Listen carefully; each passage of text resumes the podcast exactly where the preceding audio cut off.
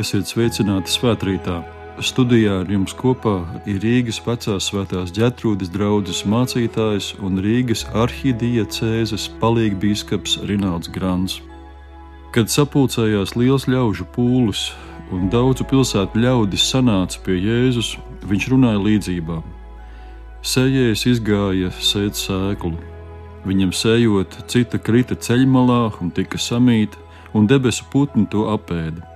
Cita krita klintainē un uzdīgusi novīta, jo tai nebija valgums.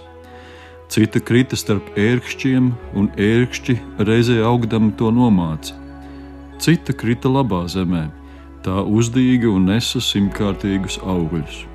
To pateicis viņš sauca, ka mausas dzirdēt, tas lai dzird. Tad mācekļi viņam jautāja, ko nozīmē šī līdzība.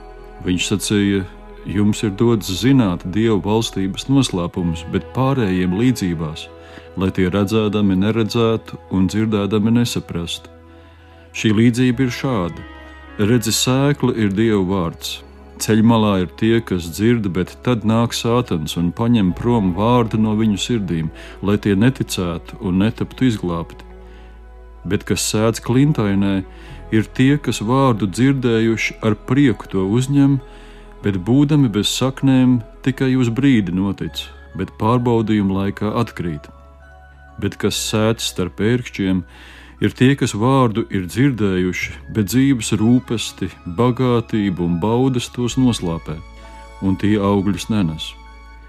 Bet kas sēž labā zemē, ir tie, kas vārdu dzird un glabā to krietnā un labā sirdī, un augļus nes pacietībā.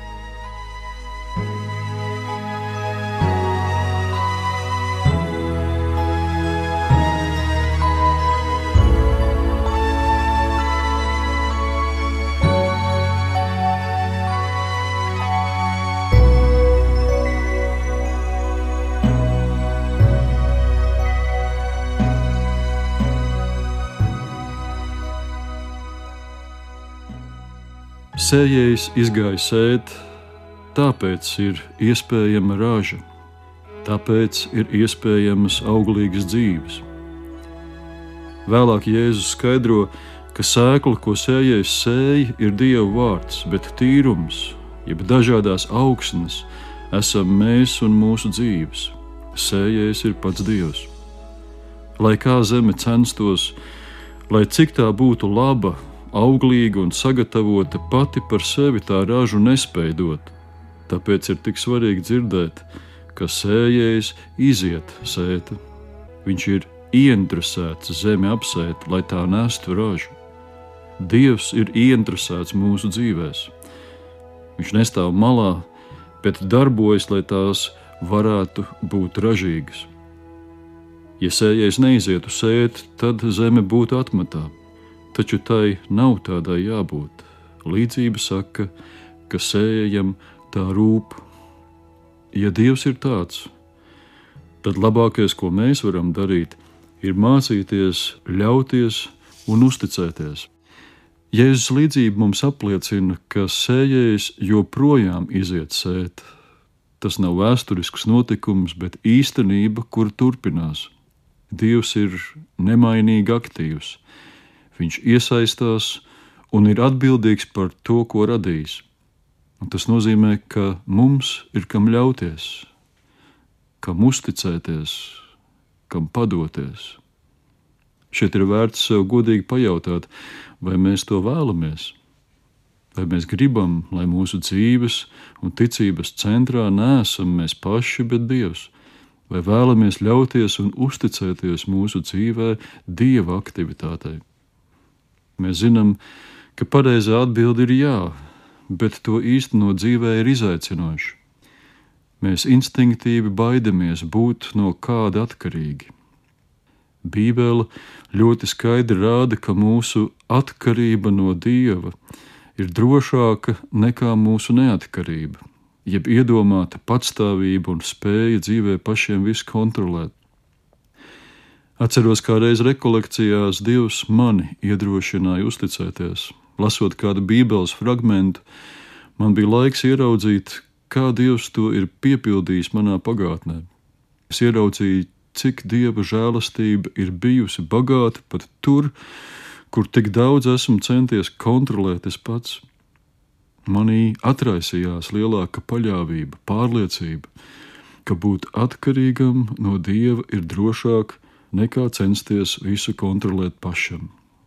Sējējs izgāja sēt, ar to viss sākās. Tālāk mēs redzam, ka viņš sēž visur. Vai jūs nepārsteidz tāda izšķērdība? Līdzīga doma ir sastopama citās līdzībās par Dievu valstību. Atcerieties, ka vīna kalna saimnieks bija gatavs maksāt pilnu darba dienas algu pat tiem, kas bija nostrādājuši tikai stundu. No vienas puses tas norāda uz Dievu pārbagātību, viņa žēlastībai nav robežas, viņš grib un var tā atļauties. No otras puses, tas rada drošību, ka, lai ar kādu augstni mēs sevi šodien asociētu, viņš apsēja visu - ceļmalu, klintaini, pat zem ērkšķiem.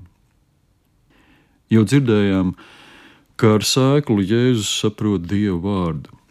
Vecajā derībā pravietis Iesai pasludina apsolījumu, ka tāpat kā līst lietus un sniegs krīt no debesīm, un turp vairs neatgriežas, bet gan veldzē zemi, uzplaucē to un diedzē, dod sēklu sējējam un maizi ēdājam, tā Dievs saka, būs ar manu vārdu, kas iziet no manas mutes un nenāk pie manis nepiepildīts, bet gan dara, ko es esmu gribējis, paveic to, kādēļ es to sūtījis gan līdzībā, gan dzīvē. Zeme neizspiež asnus ar savu gribas spēku. Spēks ir ielikts sēklā. Arī mēs augam, mainamies, pārtopam, un mūsu dzīves kļūst ražīgākas galvenokārt ne mūsu gribas spēka dēļ. Spēks ir Dieva vārdā, kurš ir dzīves. Iekrītot mūsu sirdīs, tas sāk savu darbu mēs topam pārvērsti no iekšpuses. Pravietis Iesai savā veidā saka, ka mēs varam būt droši, ka sēkla savu darbu izdarīs. Tieši šajā uzticībā, paļāvībā, atkarībā no dieva aktivitātes un spēka izpaužas mūsu ticība. Pilnīgi citādi ir tad, ja mēs kristīgo ticību redzam kā morāles standartu sarakstu. Tad katru reizi, kad no jauna topam tā izaicināti, mēs sastādām uzdevumu un apņemšanās sarakstu un palūgdam, lai Dievs svētī mūsu apņemšanos, metamies iekšā darīšanā. Tā bieži krītam izmisumā, ja mums neizdodas, un varbūt vēl sliktāk - lepnībā, ja izdodas. Jēzus līdzība mums ierāda pazemīgu augsnes vietu, kura labas ražas gadījumā var būt priecīga, gandarīta un pateicīga par labo sēklu, par lietu un sauli, bet kurai nekad nav pamats domāt, ka svarīgākais ir atkarīgs no tās. Tas, vai mēs esam ceļmala, klintaina, ērkšķiem aizaugusi augsne vai laba zeme, ir atkarīgs tieši no tā, cik daudz mēs esam pieejami Dieva žēlastībai, Viņa aktivitātei jo tieši tajā ir atrodama mūsu ticības jēga un arī dzīves ražība. Lai tas neskanētu tik abstrakti, padomāsim, kāda varētu izskatīties viena cilvēka dzīve, kura Jēzus līdzības vārdiem runājot, nes simtkārtīgus augļus. Padomājiet, kādi būtu tie īpašības vārdi, ar kuriem jūs šādu dzīvi raksturotu? Vai jūs piekristu, ka iespējams visu laiku lielākā misionāra un vairāk jaunās darbības grāmatu autora apstuļa Pāvila dzīve bija tāda, kas nesa simtkārtīgus augļus. Otrajā vēstulē korintiešiem viņš mums sniedz savas dzīves kopsavilkumu. Tas ir pārsteidzoši. Vismaz ārēji mēs tur neko neredzam no miera, drošības, pārticības, harmonijas vai atzinības baudīšanas. Viņš sevi sauc par Kristus kalpu un savu dzīvi redz kā smagu darbu. Viņš, kurš dievam ļāvās un uzticējās viņa žēlastībai, nonāca cietumos, piecreiz tapis šaustīts, trīsreiz pērts ar rīkstēm, vienreiz nomētāts akmeņiem, trīskārt cietis kuģa avārijā, diennakti pavadījis ūdenī atklātā jūrā, bieži bijis ceļa grūtībās, briesmās šķērsojis upes, laupītāju apdraudēts, bijis briesmās pilsētā, tuksnesī uz jūras, sūrā darbā, bieži bez miega, badā un slāpēs, gavēņos, augstumā un kailumā. Bez visa minētā vēl ikdienas aizņemtība un rūpes par visām draudzēm. Ja tāda ir Pāvila dzīve, vai jums nerodās jautājums, kāpēc viņš savai ticībai nav atmetis ar roku? Vai tas ir viss, kas raksturo dzīvi, kur nes simtkārtīgus augļus? Paralēli tam Pāvils runā par dieva piedzīvojumiem, par skaistām dieva atklāsmēm. Galu galā viņš par savu dzīvi lepojas. Viņam ir ar ko lielīties, bet viņš to nedara. Pāvils saka, ar sevi pašu negribu lielīties, ja nu vienīgi ar savu nespēku. Tādēļ es vislabprātāk lielīšos ar savu vājumu, lai Kristus spēks manī varētu iemājot. Vai jums tas neatgādina apsētu augsni, kurai pašai nav ar ko lielīties. Pāvils ir piedzīvojis, ka viņa tīrums ir tapis dieva apsēts. Par viņa dzīvi varētu teikt, ka tā bija dzīve, kur nevis Pāvilam izdevās, bet kur dievam izdevās. Mūsu dzīves dievam rūp vismaz tikpat, cik sējam zeme. Viņš izdara visu, lai tās būtu ražīgas. Mācīsimies ļauties Dievam, mācīsimies būt pieejami Dieva darbam, un lai Dievs dod, ka reiz tāpat kā par Pāvila dzīvi, arī par mūsu varētu teikt, tā bija dzīve, kur nevis viņam vai viņai izdevās, bet kur Dievam izdevās. Āmen! thank you